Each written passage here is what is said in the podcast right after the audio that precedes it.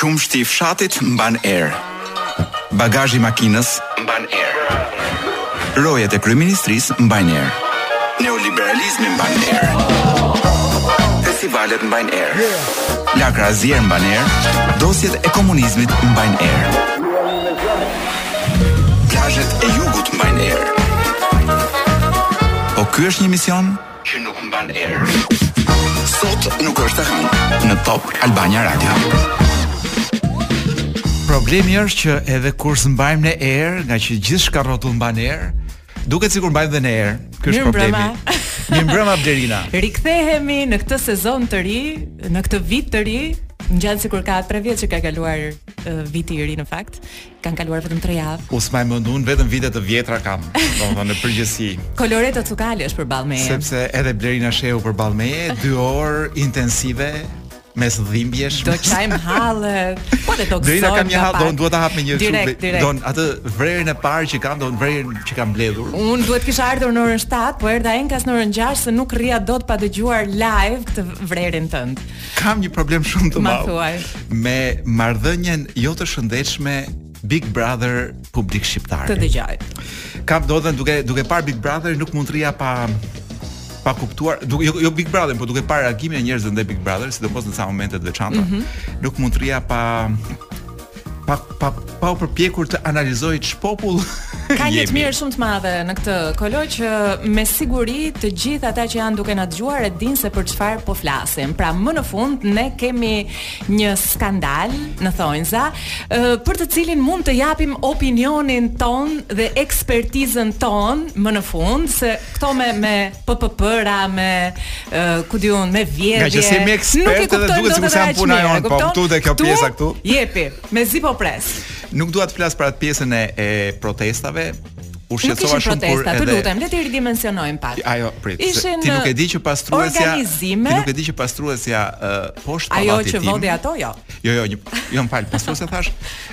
Kjo që pastron flokët si quhet, berberja.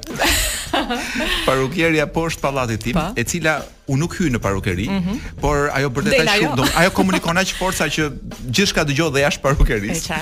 Ë u betohej të gjitha klienteve uh -huh. që nëse filani nuk fiton, do dal vetë para në protestë. Okej. Okay. Dhe kjo më shqetësoi për të mos thënë episode pafund nga kjo çmenduria kolektive. Uh -huh. Dhe unë kam disa shqetësime shumë të mëdhaja që do i rreshtoj një nga një. E para është mungesa e çdo lloj perspektive logjike. Domethënë, ë tifozët, të cilët që të vegjël ata shohen me një ekip, edhe mund t'i kuptoj, se është një sëmundje që marrin që të vegjël. Por ne edhe tifozët që kanë vite që ushtrojnë atë lloj profesioni, prapë vjen një moment që themi janë shumë budallenj. Shiko, është Pra tizo, mekanizmi, ë? tifozeria ë, pa asnjë lloj logjike që ti duhet kuptosh ë çfarë show dhe çfarë është ë, reale dhe çfarë duhet proteston Ku duhet shkojë shqetësimi jot dhe sa e madh duhet të jetë shqetësimi jot? Duhet të jetë tek fakti që fëmija jot po rritet si një llosh i vogël ose si një llac i vogël, apo duhet shkojë te te ç'po bëjnë ca veta të mbyllur në shtëpi. Plus e kemi një marrëdhënie, po kuptoj që kemi një marrëdhënie përfundimisht shumë të smur me të vërtetën.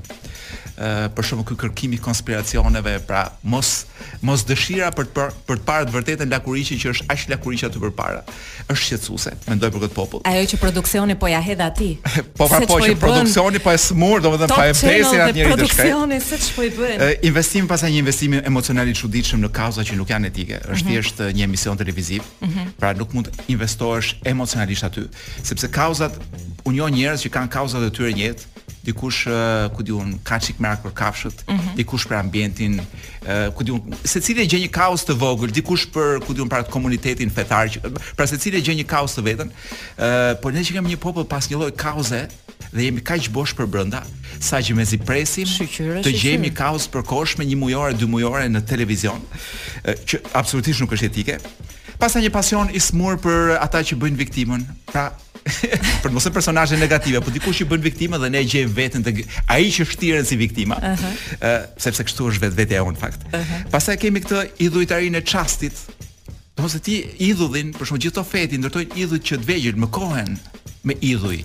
Po nuk mund ngresh idhuj brenda javës. Shiko, kur ti e ke mekanizmin, kur e ke mekanizmin gati, thjesht po, zëvendëson njërin me tjetrin. Domethënë, Unë nuk e kuptoj pse asnjeri nuk mendon që ne Luiz Ejllin e kemi në kryeministri, domethënë.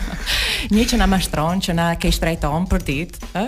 Po pra, ndryshimi i vetëm, ndryshimi i vetëm është që Luizi i kryeministrisë për shembull është një Luiz që do ta votojnë pavarësisht. Po, edhe atë. Çfarë kartele mund të ketë? Kurse jo, kam idenë që ky Luizi tjetër është, kjo është ideja pra e idhujve të përkohshëm që në momentin që del do të harrohet dhe do të sepse do dalë një po, idhull po, tjetër zëvendësues. Po, patjetër. Ë, Por dhe shqetësuesja më e madhe është ky pasioni për të mbështetur deri në vdekje personazhin negativ, dhe këtu flas për Luizin e kryeministrisë. E, ja këtu tani. Ë, kjo është një shenjë shumë e keqe për ne si popull, por do ta shërojmë. Të qeras me këngën më të fundit nga Maneskin featuring. Juhu!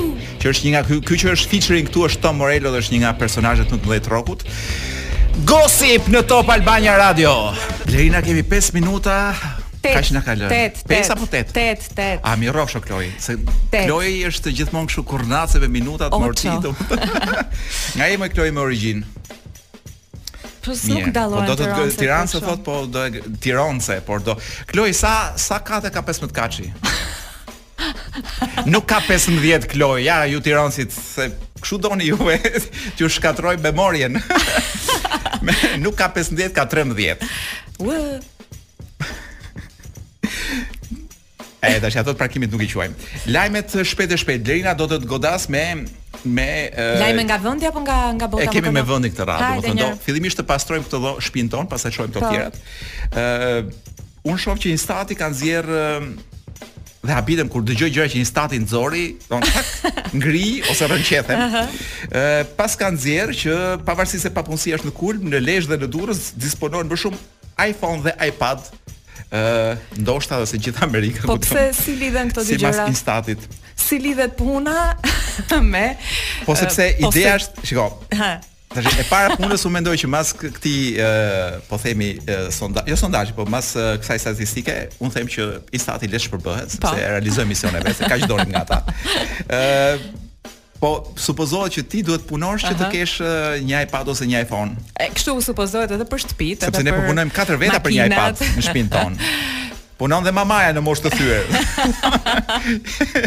Dhe për të marrë një iPad gjithë, kurse këtu Lezha është bërë, dhe u thuash që punojnë ata në Londër për Lezhën dhe për pikërisht pra, për Durrësin. Ata në Londër të rrinë mirë, njerëzit sillen mirë se u kanë tërhequr veshin. Se Kuksi nuk do iPad për shembull, Kuksi do thjesht do, do televizor brenda në Rolls Royce. Mirë, meqenëse ti më, më sfidove me këtë lajm, unë do të them një lajm të mirë në fakt, um, ka qenë një deklaratë e Ministrit Çuçi, i cili uh, ka deklaruar se së shpejti, shumë shpejt, pra mos u dorëzoni, kartat e identitetit dhe pasaporta do të prodhohen nga shteti. Nuk e kuptoj pse ka ardhur nevoja për të bërë këtë ndërhyrje, duke qenë se gjithçka që mbron shteti ynë, në thonjëza mbron, ë është në poses të shtetit iranian.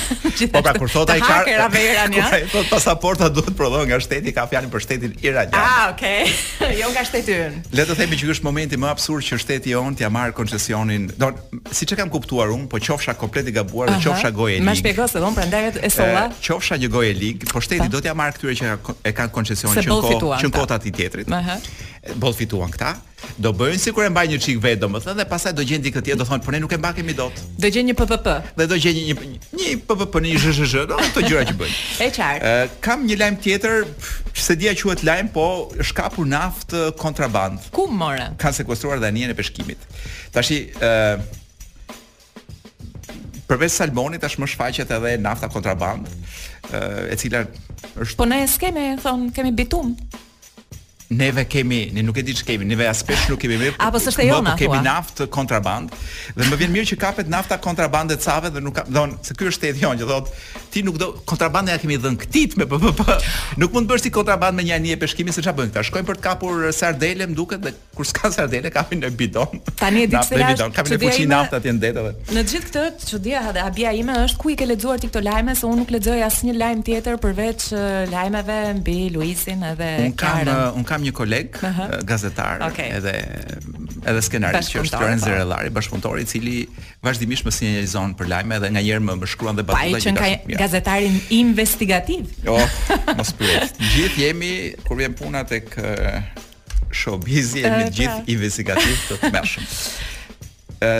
Të them dhe një gjë tjetër, mm -hmm. një tetëvjeçare afganistanase, mhm. Afgane mm -hmm. domethënë, që ka mësuar shqip për 6 muaj, mm -hmm. po, po doja ta them dhe emrin, po nuk e di, më lejo të them se është tetë vjeçe vetëm. Okay. Thotë, nuk më mungon vendlindja, sepse Shqipëria është si Afganistani. Pra, a ka fjalë më të... Ndoshta në kohë të tjera do të kishte qenë Një kompliment. Ai është një kompliment, unë mendoj që ia dolëm më në fund sepse qeveria dhe duhet të jetë krenare dhe kryeministri duhet ta publikojë fort. Ia doli që të jemi në krye të, domethënë, në krye të alfabetit të botës bashkë me Afganistanin mm -hmm. realisht. Edhe për cilësinë e e jetës. Ke tjetër? Pra u shuaj mallin, kam edhe ca tjera, do. Po jep, jep. Po, kam një, oh, është një. Më merrni se nuk uh, tash më kam dëgjuar. Është një lajm ku mund të ndalemi pak. Janë çmontuar 21 kamera në Shkodër. Uh -huh. uh, kamera të cilat... Big Brotheri? Jo, ishin kamera Criminal Brotheri, të cilët pra gjithë kriminelët e Shkodrës kishin vënë këta të zgjuarit, po themi, kishin vënë një sistem kamerash për të, po sigurisht. Ëh, për të kuptuar lëvizjet jo vetëm popullsisë, po kujtën të dashurave të tyre, të kalamajve të tyre, të gjithë bashkëpunëtorëve të tyre, të armiqve të tyre. Kishin vënë kamera sigurie në gjithë Shkodrën, me sa kuptova unë. Ëh, po kush i zbuloi, jam kurioze.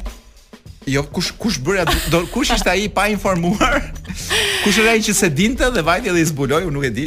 Po më vjen shumë mirë që kemi një Big Brother, po që shohim gjithë, po ka Big Brother. Do, këta janë Big Brother i Big Brotherit. këta na shohin gjithë dhe ne, ne Arbanën. Luizin, fansat e Luizit, pra këta janë përmbi Big Brother, këta na shohin gjithë.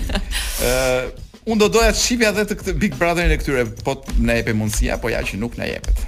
Do është duhet të jetë duhet të jesh një pjesë e një elite e vendit për të parë Big Brotherin e këtyre kriminelëve të Shkodrës. 21 kamera, çfarë regjie qendrore? Çfarë gjetur këta? Çfarë regjie qendrore ai që ka ndenjur aty në pult, domethënë duhet të jetë kënaqur. Po çfarë të them është as Kina nuk i ka kaq të sofistikuara sistemet e, e survejimit. Edhe dje un kur shkoja, kur shkoja nëpër Shkodër, ndjeja kështu sikur po më zhvishnin me sy, po se kuptoja. apo sikur të përshëndesnin të gjithë. Ë, do më apo? Po kemi edhe një minutë kohë, kështu që ke kohë. Kanë ndryshuar rregullat e maturës shtetërore? Maturantët tashmë do të kenë të drejtë të kërkojnë rivlerësim, unë këtë nuk e kuptoj mirë, sepse un nëse ka diçka që nuk shkon me vlerësimin e maturantëve, le të ndryshojmë mënyrën si vlerësohen. Po një sistem që nuk përballon dot, po themi, as ankesat për plehrat. Ëh. Uh -huh. për koshat e plehra, fal. të mbetjeve. Sepse vazhdimisht ankohem don a nuk të kam thënë, po hobi im i kohëve të fundit është t'i ankohem bashkisë për koshat e plehrave, oh, të pazbrazur që derdhen. Dhe vazhdimisht vazhdimisht më thonë tashi do dërgojmë. dhe un pres një 10 minuta dhe them nuk e dërguat. Dhe mbas një ore prap nuk e dërguat, e pastaj më thonë na lër rehat. Dhe vjen një moment që edhe atyre që janë instruktuar që të bëjnë sikur po bëjnë punë, dhe më thonë na lër rehat. Mund të, të vinë me ndonjë telekamerë ndonjë ditë. Po t'i vë një të bëj një Big Brother për plehrat për shembull. që të shohim si pastrojnë në të vërtetë plehrat e këtij vendi.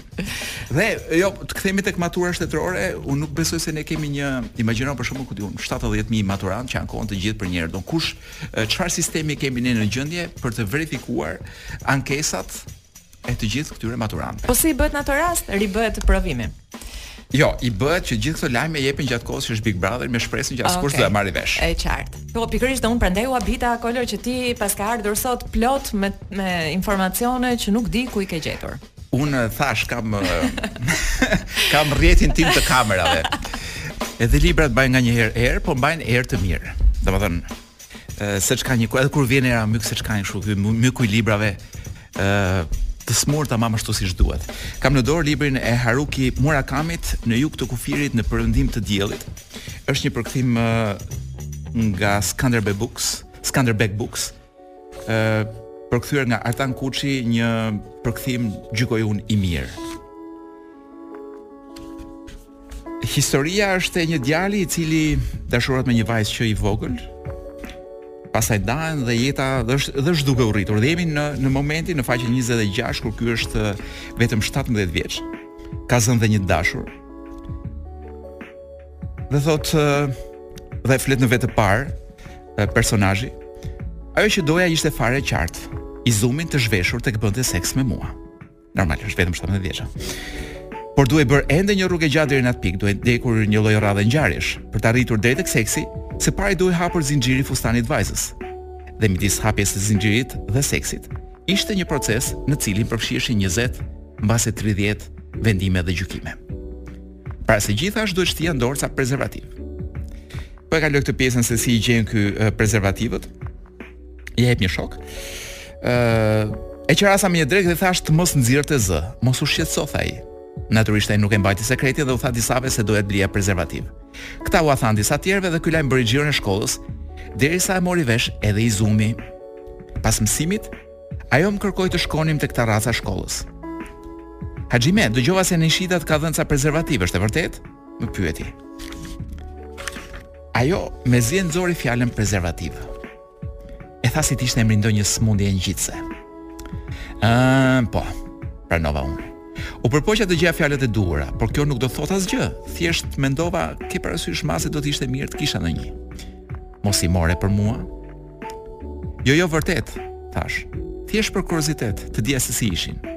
Po nëse kjo të bezdis, më vjen keq, do t'i kthej mbrapsht, ose do t'i hedh. Ishim ulur të dy në një stol të vogël guri në një cep të tarracës. Dukej sikur pas pak do të binte shi. Ishim vetëm ne dy. Nuk pipëtinte asgjë. Nuk e dija që në tarracë të kishte kaq qetësi. Po kaloj një pjesë përshkrimi për tarracën dhe zbres poshtë. Të pëlqen do pak? Më pyeti Izumi me zë të ulët. Patjetër u përgjigja. Patjetër që ti më pëlqen. Me buzët e mbyllura m'i nguli sytë. Më vështroi për një kohë aq të gjatë sa më vuri në siklet. Edhe ti më pëlqen, e di? Tha ajo pas një farë kohe. Por mendova unë.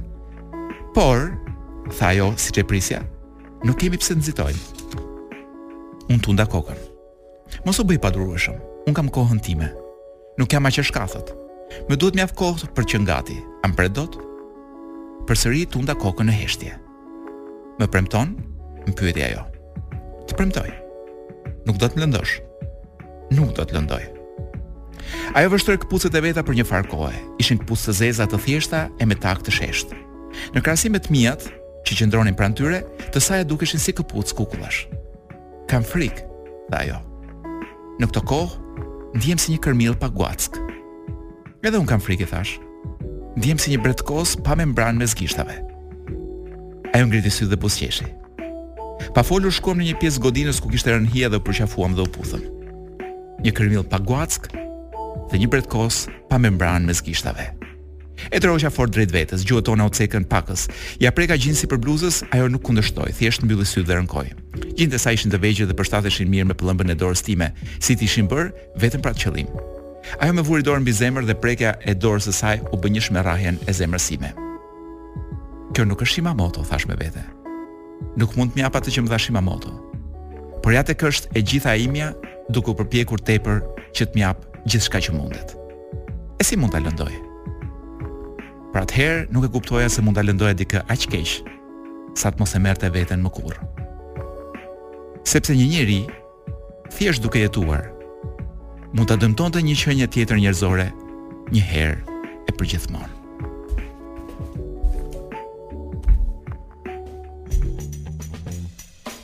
Kjo ishte ë një copëz nga kapitulli i dytë i librit Në jug të kufirit, në perëndim të diellit të Haruki Murakamit. ë botuar nga Skanderbeg Books, unë besoj se e gjeni nëpër librari, përkthyer nga Artan Kuçi, mendoj që është përkthyer mirë. ë Murakami është një nga shkrimtarët më të mëdhenj japonezë, nga më të mëdhenjtë ë bashkëkohorë mendoj unë. ë për të Përmbyllur këtë emocion të Murakamit, kemi Vinicio Kaposelën. Bëhuni gati për prerje damarësh. Non è l'amore che va via. Ky ishte Vinicio Kaposela dhe... Ec na fute në të thella. Domethënë, ku mbahemi dot më në karrige ne mas kësaj dhe, dhe Kloi që thotë do e mbani pak. Pret prodhim të ri. po kemi, kemi ca Po, kemi momentin e dhjetëshes. Kemi një dhjetëshe të, meqenëse ky është programi ynë i parë për vitin 2023, i kemi vënë vetes për qëllim të gjejmë 10 arsye pse 2023 do të jetë një vit më entuziast dhe më i bukur se 2022-shi. Jemi lodhur shumë në fakt për të gjetur uh, arsye sepse ne të dy jo dhe aq. Florenci që Florenci, ka bërë po. Uh, por uh, Për shembull, një gjë që pritet të ketë një përmirësim të mirë është do kemi një boom të industrisë së miellit ose të iPhone-ave. Sepse kemi zgjedhjet vendore edhe që ah! dhe vende vende do paguhet me miell, me thasë me miell, vende vende me iPhone-a sepse varet se si do të jetë bursa e votës. Duke parë çmimet, Klo, ka njerëz që duan jo, nuk duan të hanë, duan vetëm iPhone-in. Ka ca të tjerë që kanë barkun më shumë problem se sa. Do rrin me Nokia rrin pa ma. Aty këta janë ata, këta janë masa që Ata të instatit këta domethënë. po pra këta janë njerëzit e vërtetë, këta votuesit e vërtetë shqiptarë. Okej. Okay. Po, do të ecem me një tjetër um, arsye pse ne mendojmë Lorenci, Florenci bashkë me ne në fakt. Ëm uh, 2023 do të jetë një vit më i mirë, është sepse diku, dikush në Shqipëri do të përkëdhel një kotele më shumë. Pra kjo është unë mendoj që është le të shohim, le të shohim pozitivitet drejt këtij viti, domethënë. Ë, uh, ndoshta edhe numri koteleve do jetë çik më pak këtë vit. Kështu që dy një njeri do preki. Jo, më fal, një kotele duhet të prekur nga dy njerëz. do vi do vi një moment domethënë ku njerëzit të zihen për kotele në këtë vend, bastet do të bëhen prapë të ligjshme në 2023-shin. Që do të thotë se gratë do të jenë në dijeni për vendndodhjen e burrave 24 në 24 orë. Dhe për këtë duhet, e di se kujt i thonë faleminderit. Atij që bëri krimin e madh dhe i mbylli bastet dikur, që është i njëjti që i lejoi prapë tani, me pretekstin që gratë uh, kishin don familja po shkatërrohej, më në fund vendosi që ta ndreqë familjen duke ua ofruar përsëri mundësinë burrave që të bastohen. Pse duhet të jemi më shumë entuziastë për 2023-shin, është sepse temperaturat e larta do të arrijnë një tjetër rekord, kështu mendohet. Dhe kjo do të nxisë uh, prodhimin e akullores pseudo italiane me straçatela dhe do të vitalizojë sektorin e kondicionerëve. Ka shumë sektorë pra që do do do shpërthejnë në dy mijë e njëzet e treshin, ë dhe unë do them një sektor tjetër që pritet të ketë, sepse ky te, është një teleskop i madh, ë, e kanë quajtur James Webb. Ëhë. Ë pritet që këtë vit të dërgojë foto të gjithësisë, po foto që s'i kemi parë ndonjëherë dhe foto të vendeve ku nuk kanë shkelur akoma ë bizneset e shezlloneve të, të jugut të Shqipërisë. Okej, okay, kemi një tjetër arsye dhe është sepse Saturni dhe Plutoni që ndryshe quhen planete gjeneracionale, më në fund ndryshojnë shenjë. Kush është ujor dhe peshk do të ketë ndihmën e planeteve në aventura me gomone në La Manche. dhe nuk duhet të rrimë pa përmendur që pritet që në 2023-shin gjithnjë më shumë shqiptarë të përfaqësojnë të përqafojnë, më fal, energjinë diellore. Don Po pse pse? Thjesht do kemi kaç, do kemi do bëhemi një popull ashtu siç e meritojmë të jemi një popull kaçurrels.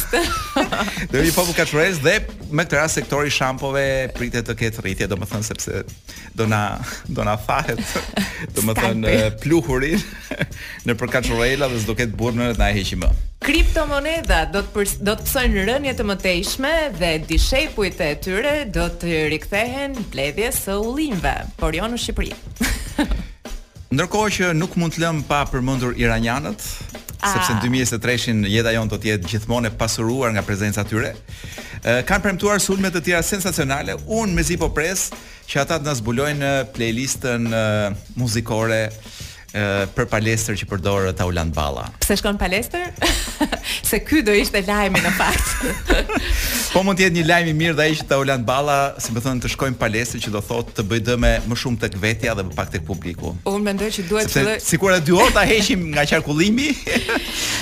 mirë do të ishte. Dy orë palestër do thotë dy orë Unë se kam frikë që edhe edhe aty do diçka një dëm mund ta shkaktojë. Jo, unë mendoj që duhet të filloj të bëj pak stërvitje ke pista e vrapit.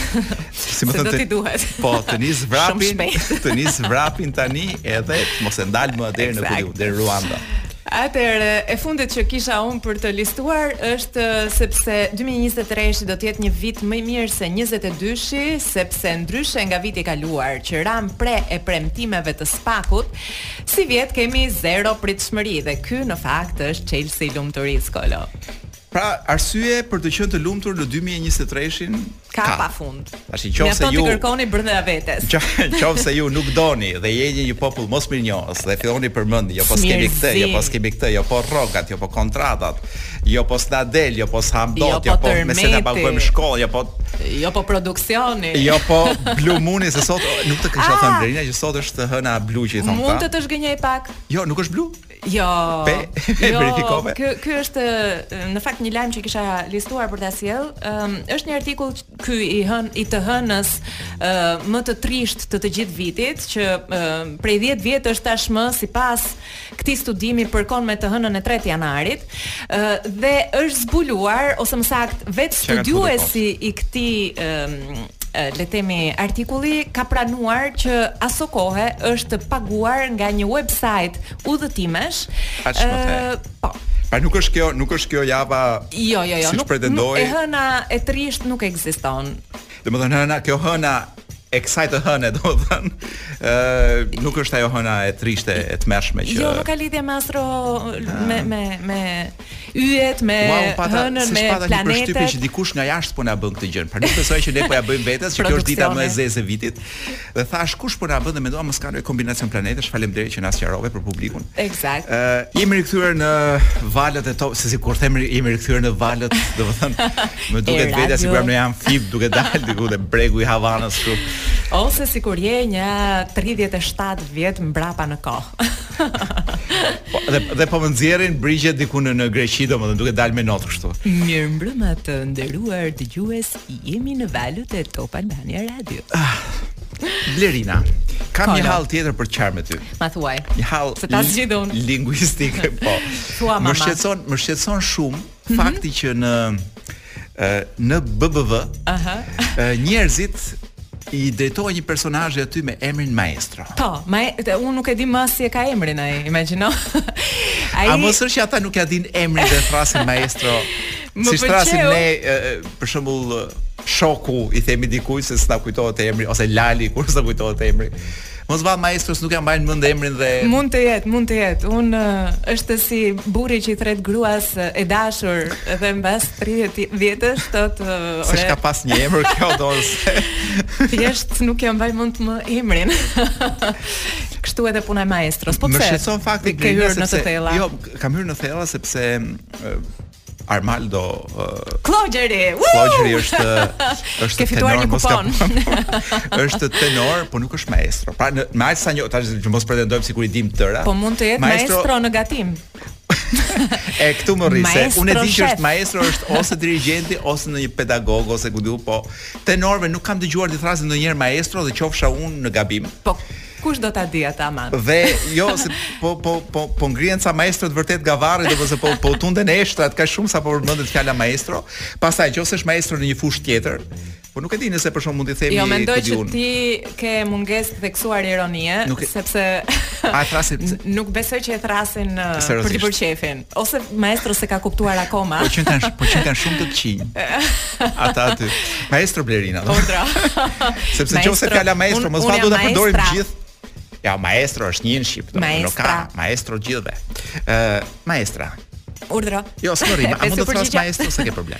Ok, maestro Blerina, po, po. se s'më tingëllon, edhe ky një problem nuk, linguistik. Nuk dua të dal nga nga, se ne i themi italianët kanë dhe bravo dhe brava, por ne bravo i themi. Si, si italianët e kanë dhe maestro dhe maestra dhe me që ra fjala i thonë zyshës fillores. I, ja thon shko tani. Asaj që ne i themi mse. Italianët ja thon mse, mse. nuk e din mirë këtë punë. Ja thon gabim ashtu. Po Tani që zoti Klogjeri nuk është një, një asnjë pedagog, po themi apo është pedagog dhe unë s'e di. A nuk e di. Nëse, unë mendoj që e thrasin kot ashtu dhe nuk e kuptoj pse thrasin ashtu dhe turp t'u vijë gjithë tyre që na shpërdoruan, s'na ka mbetur më asnjë fjalë pa e pa shpërdoruar në këtë vend deri na. Ne jemi bërë gjithë maestro, ne jemi bërë gjithë profesor për shembull, kur i thon policit profesor. Po, shef. Për shembull, ose ose shef dhe ti je shef për shembull, ai shefi Mezi lidh pantallonat, ka një palë pato, jo për faj të vetë, edhe për faj të dizenjos së ministrisë po. Dhe të cilësisë së materialit. Për faj të tenderit të kostumeve. Po, pra, po ti e shih që ai mezi lidh ushkurët e vet dhe i thua shefi për shembull. Po e ke parë, ke vënë si drejtohet kur i thua shefi? Tap. Po e ka kuptuar që shefat kështu rrinë si të ngrefur, do si të ngulur në hu. Ë Të rrim tek gjërat e mira Blerina, kemi një më duhet të ndaj me ty. Aha. Ë, një ti e di, po, edhe me publikun, pa. që kemi në kinema një film Polic për kokë. Ah, Unë ju sugjeroj shkoni ta shihni sepse e vetmja mënyrë për të pasur rritjet kinemase për të pasur gjithnjë më tepër filma të mirë është që të shkoni dhe të mbështesim. Pra. Është një produksion shqiptar, Është një produksion shqiptar, regjisor është Aldo Marku, producent Evi Spaho, koproducent është Olsi Bylyku, edhe kastin e ka të shumë të mirë. Është Nik Xhelilaj. Ku është, mund të shohë, ku mund ta shohë? Nik Xhelilaj është është nga shqiptarët që është në Netflix. Po. Me kaq kemi thënë shumë. Po pra, për Shqipërinë ky është një hap shumë i madh, është Bujar Asqeriu që pavarësisht se nuk është në Netflix, është në zemrat tona. Mendova që the Nik Xhelilaj është bujar. jo, jo, po është okay. Bujar Asqeriu në film. Okay. Është Arben Bajraktaraj që është një aktor i jashtëzakonshëm. Uh -huh. Pastaj kemi edhe Olsi Bylykun, Sara Kolamin, Bujar Asqeriun e thashë. Nga 12 janari është në Cineplexx TEG, në Cineplexx QTU në Millennium. Po. Në Tiranë, në Millennium në Shkodër, në Kinema Rozafa në Elbasan, në Cinemarine në Prizren edhe në Cineplexx në Prishtinë. Pra, oh, wow. Mos thuaj që trojet. nuk ke ku shko ta shohësh. Pra, po. nuk, diku do të bjerë rruga në një nga këto vende dhe shkosh ta shohësh filmin. Bukur. Ashtu dhe Blerina, para se të më thuash atë gjë që do të më thuash, pa. Po. a mund ta mbash pak? Nuk e di, a e mbaj dot? Pra, Megjithëse, meqenëse është zvogëluar së fundmi, mund ta mbaj. Po të kishte qenë më e madhe, nuk do ta mbaja dot. Mbaje të lutem, ë do të të jap një këngë që është një kënga është nja 100 vjeç e vjetër, po ky versioni është është një remix i po, vonshëm po, i para po, nja 10-12 viteve. Po nëse nuk mbrim deri në 2040-ën që do jetë zhdukur fare, mund ta mbaj shumë mirë. Po mos më lër të pres deri në 2040. Ne si popull i mbajmë të tëra. Kjo është Timi Yuro. As long as there is you në Top Albania Radio. Patjetër që jemi rikthyer. Do ne këtu ishim nuk lëvizëm, po ju jeni rikthyer apo jo, si i bie. Shkon e vjen vala dallga dallga. A mund ta them këtë që ma la Blerina është është gjë e rëndësishme? Është shumë e rëndësishme. Është në zvogëlim e sipër, është për të gjithë universin. Për të gjithë në eh? fakt e? njerëzit që jetojnë në tokë. Me se ka të bëjë? Ka të bëjë me diçka që ka qenë shumë e madhe dhe shumë njerëz kanë Pse nuk ma lë si quiz, domethënë ta, ta mendoj deri në a, a e gjej dot deri në fund emisionit se çfarë është. Për të gjithë ata që kanë mbajtur sytë nga qielli deri më sot, me shpresën që hëse hëse.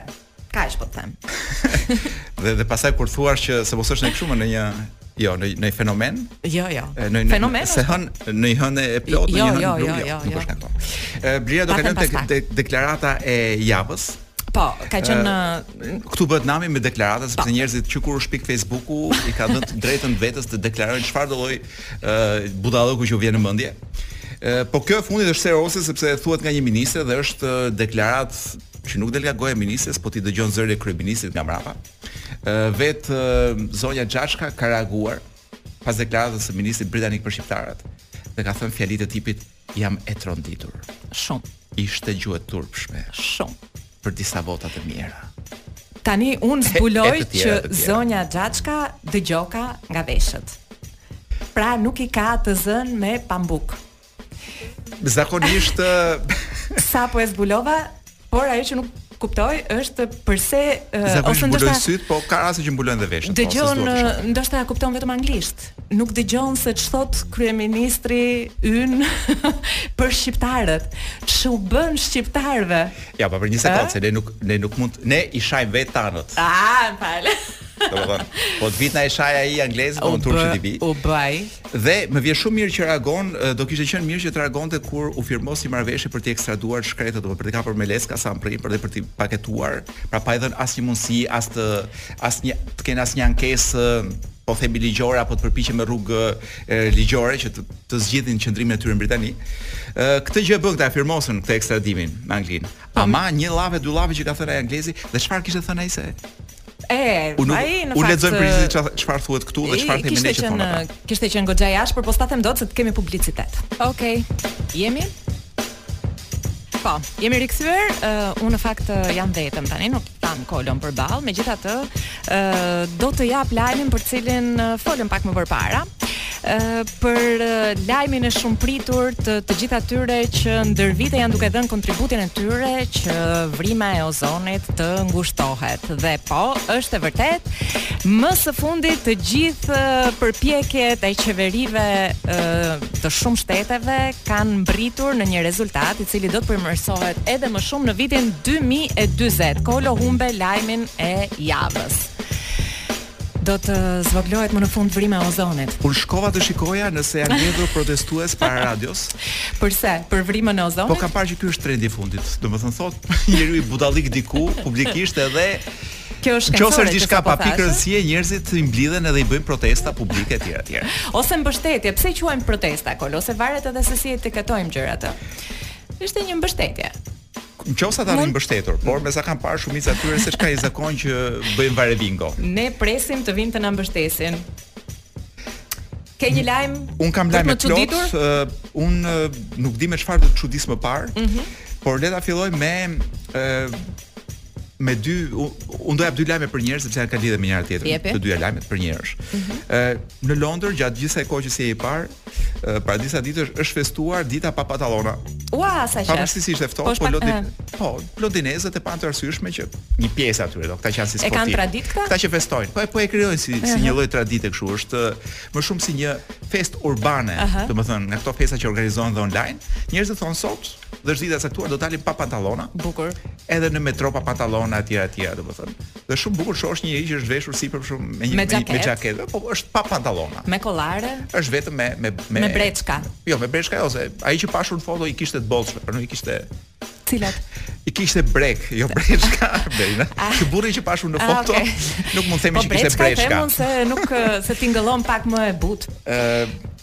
Ku di unë pse duhet të zbusim brekët atë fjalë është shkreta.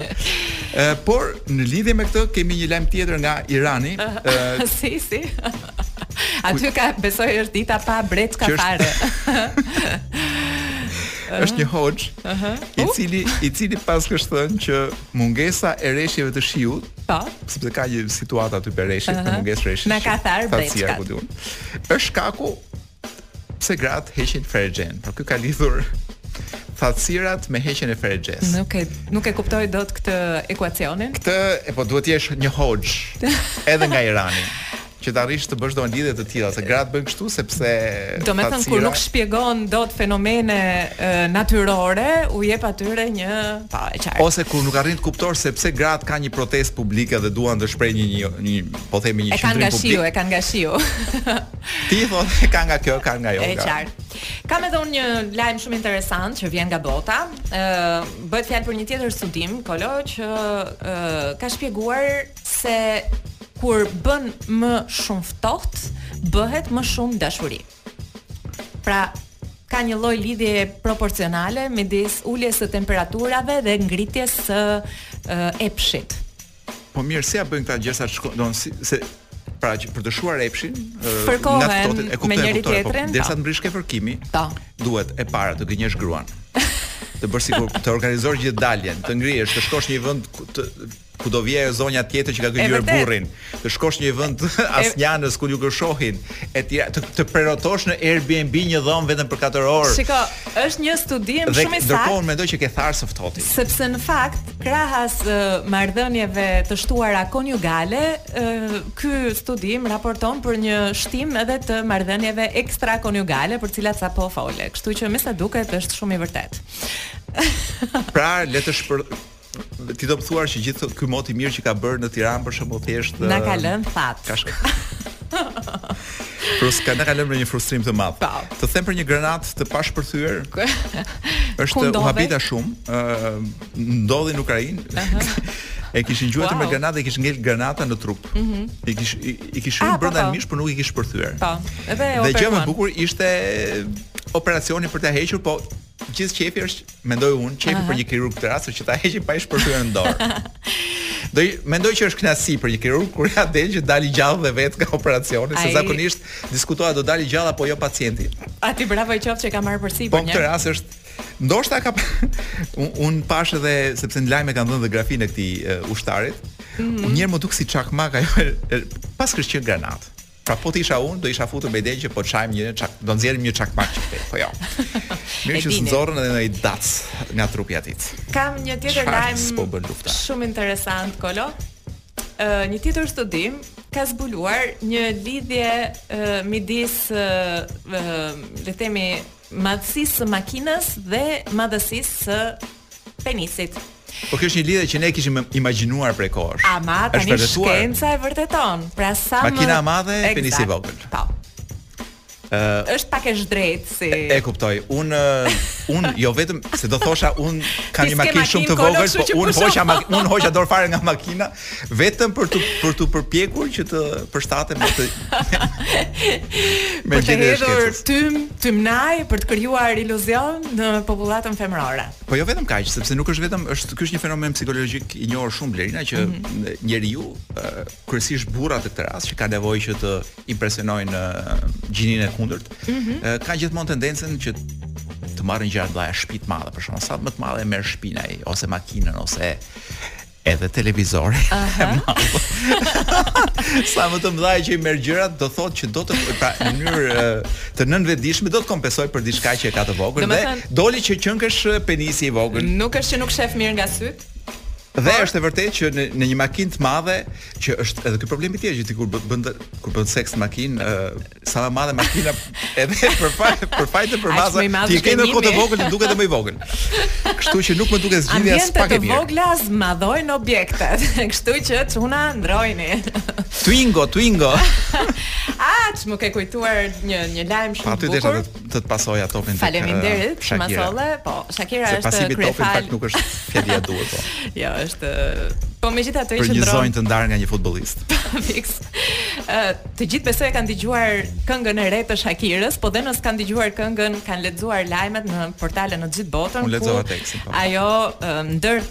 rreshta në poezinë e këngës së saj i thotë Pikes që ke ndruar një Ferrari me një Twingo apo ke ndruar një Rolex me një Casio dhe mua më pëlqeu shumë si përgjigja. Tekst vetëm më duket një tekst sikur ta ketë shkruar dikush nga këta që shkruajnë tekste këtu. Po edhe ne andej i çojmë, i eksportojmë tekstshkruesit tanë poetët tanë. Ajo që më pëlqeu shumë ishte përgjigja e Casios, e markës së famshme të orave kryesisht elektronike, e cila e, kishte e, deklaruar.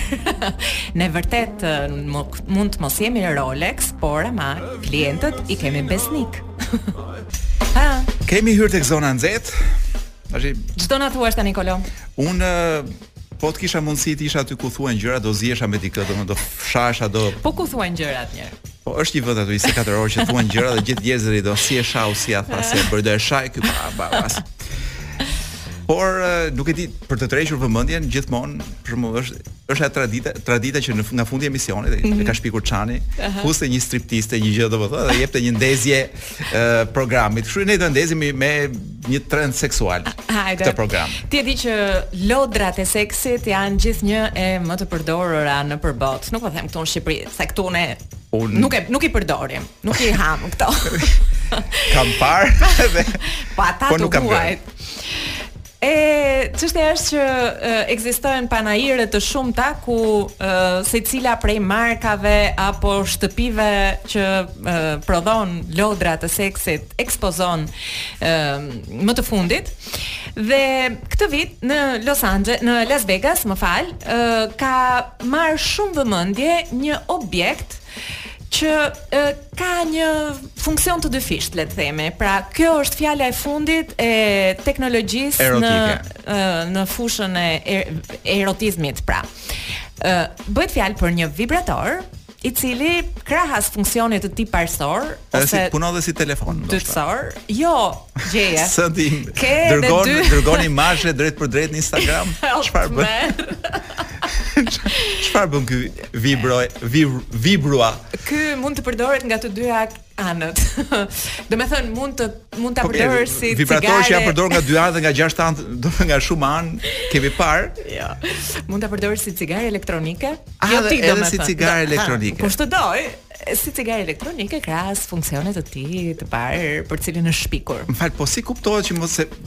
Është si puna e qenit, është si puna e si puna e qenit që thonë, nga ta marr vesh se ky qeni jot është i gjithë me lesh.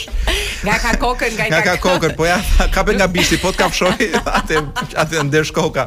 Kështu që nga ta nga cili bisht ta kap këtë cigare Doni, ka gjëra të përcaktuara apo nuk kam qenë në Las Vegas, po në fakt nuk u bëra kurioze as se të shihja ja, ç'më bëre tani do futem ta kërkoj.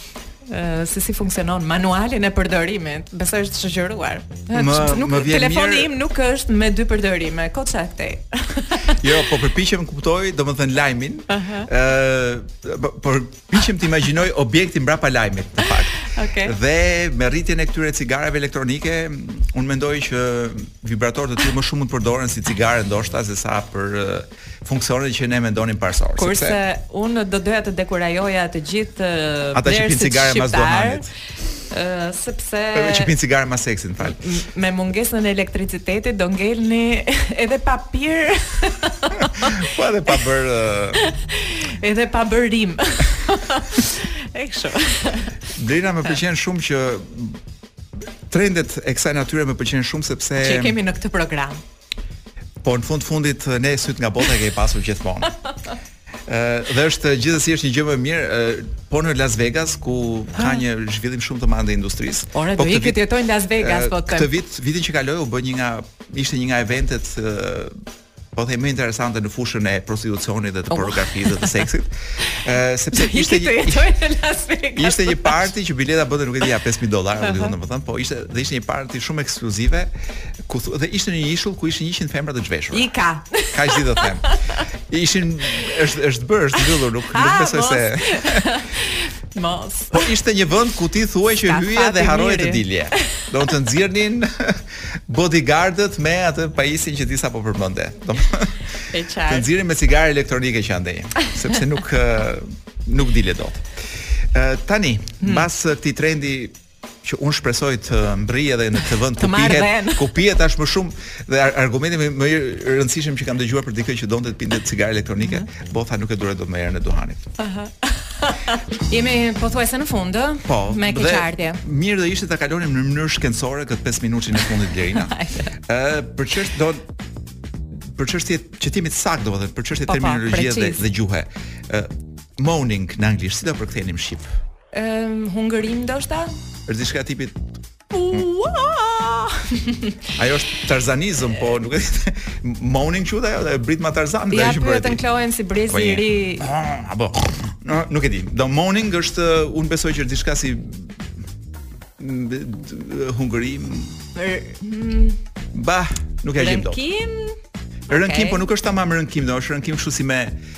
sikur po nxjerr një gjë jashtë. Nëse, e gjitha kjo për të thënë që ë uh, ofshamë. Ua, më duket se ke rënë kokë. Ë uh, orgazma femërore uh, nuk orgazma femërore nuk duhet të ketë këtë ofshamën që po themi moaning, uh, sepse po e lexoj lajmin direkt në anglisht. Aha. Uh -huh dhe kanë zbuluar japonezët. Pra, uh, unë do të them disa nga studimet më të panevojshme që kanë bërë që kanë bërë institucione dhe universitete në gjithë globin gjatë vitit 2022 dhe njëri prej tyre ishte pikërisht ky që japonezët gjetën që në uh, po themi në diapazonin e e zhurmave, po i po i quajmë që bën njeriu gjatë marrëdhënies seksuale. Okay. Uh, kjo moaning është nuk duhet të ishte pjesë e tyre. Domethënë kjo. Pse? ky ky rënkimi si si britmë si ofshamë si ku di unë se çfarë. Nuk e duan apo nuk duk. Nuk do të po duash ta lexoj të gjithë studimin, por jo, nuk jo, besoj se është rasti, por gjetën që ë ajo nuk i përket qenies njerëzore. Pra, kushdo femër që e bën atë, është një luaneshë. jo, po tent ka parë më shumë dokumentarë se ç'duhet mendoj unë, domethënë, po. Ah, e kuptova. Në një eksperiencë orgazme të mirëfilltë kjo nuk duhet të ishte pjesë. Është duke simuluar. Ë, ndoshta jo simulim. Ë, kanë gjetur edhe janë afruar kurës për ë, për tullacllëkun, por nuk e kanë gjetur akoma fiks. Okay. Dhe një studim tjetër ka treguar që në Britani miliona punëtorë masturbojnë gjatë ë, se dolëm prapë te seksi, po ku di unë që studime që kanë kryesisht Po e me di. seks në 2022-shin. Frustrim global. Ë, miliona pra punëtorë në Britani masturbojnë kur janë në punë. Unë shpresoj që të Në atë paktën pesë ë, minutën- kasapi 1, shitësi i bukës 2, Edhe jo, ai që të bën cappuccino 3 ose banakieri cappuccino 3. Ku di unë disa profesione ti do doje që vërtet të mos e bënin atë punë. Ose të mos sepse e bëjnë gjatë orareve gjatë orës punës, edhe pse nuk paguhen për atë, domethënë nuk mund dhe nuk jam shumë i qartë se ku dhe si e bëjnë, po Shiko, Shensika. Kolo, unë me qënë se jemi në minutat e fundit edhe me qënë se vazhdoj të lexoj në Facebook, media sociale, aty ku të gjithë njerëzit mund të shprehen lirisht mbi frikrat e tyre më të mëdha, vazhdoj të lexoj që Ta studimet unë. Zot mbaj dorën, po mbyllë. Zot mbaj dorën, Zot na ruaj, paska rënë një tërmet tjetër, vetëm pak çaste më parë, dua t'i qetësojmë të gjithë dhe t'u po, themi. Po se nuk na u dridh asgjë, domethënë se unë kam një luhatje konstante tashmë në kokë që prej tërmetit të mbrëmshëm që më ka risjell atë të parë të 2019-s, po gjithsesi dua t'i qetësoj të gjithë dhe të themi që janë thjesht premtimet e, po, pra, e mbajtura të qeverisë. Tashmë morëm vesh që gjitha tërmetet në fakt janë uh, vullneti dhe dëshira e kryeministrit. Kanë qenë premtime për 2023-shin edhe le të themi Pra një premtim tjetër ndodhi para pak minutash, po, po nuk ka asnjë arsye, shikoj, duhet të them që nuk ka asnjë arsye për t'u për t'u shqetësuar. sepse pa dashur të jem shumë i zi, po dua të them që çfarë pati për t'u shembur u shemb. Pra domethënë çfarë nuk e mbante, nuk e mbajti. Ashtu dhe. Dhe unë kam besimin që nuk do kemi asnjë situatë. Uh, Ka ngelur dhe ca aty te 5 Maji. Aq të rëndë sa ajo në në Shqipëri. Janë ca pallate aty te 5 Maji që janë dhe aq të dëmtuar dhe që Së shpejti do dëmtohen. Ato do i shembë bashkia këto... bashkë me tërmet. Pra do vijë, po s'i dha dorë dhe bashkia nuk shemben ato shkreta, po do vijë t'ia japë se i duhet ajo toka për të bërë ato zullumet që bëjnë. Dhe kështu uh, këto dy gojë të liga që s'lanë llaf pa thënë, turp produksioni. që po, i lini të flasin kështu. Edhe edhe domethënë edhe edhe edhe për tërmetin fajson qeverinë. Po ikim. Më duhet të them që ky është momenti i fundit, ne të ikim sa pa na zënë brenda. Se dje më duhet, shikoj, pati një moment dje që dëgjova zhurmë, unë nuk e kuptova tërmetin, po njerëzit uh, po erdhi lajmi sido që po. të jetë, domethënë, tundej një gjë shumë e vogël në shtëpi. Dhe gjëja e parë pata një kuriozitet se pa dëgjova zhurma njerëzish dhe pashë njerëz që dilnin në rrugë. Aha. Me sa kam kuptuar unë, ai tërmeti tjetër, pra ose ti ke vendosur të jetosh disa javë në rrugë dhe të mos kthehesh më. Janë frikrat e njerëzve. Nuk kuptoj pse, nuk kuptoj pse duhet dalësh për gjysmë ore për shembull. Dhe se është më e keqe kjo, ne që ndenjëm në shtëpi dhe hëngrëm në shtëpi, se ti që dole gjysmë ore dhe sa u ktheve ti të, të ra, më i madh që kurrë mos rëntë. Kemi mbërritur në fund. Për t'i qetësuar frikrat e njerëzve, dalja nga shtëpia nuk është një zgjidhje. Nuk ndihmon. Ashtu dhe. Do ta mbyllim me me Paul McCartney. Unë e dija të oh. vdekur ku bën këngë. Ka bërë një këngë sapo ka bërë po Slidin'. Mas një jave po këtu në Top Albania Radio me Kolon, Derinën dhe Sot nuk është e hënë.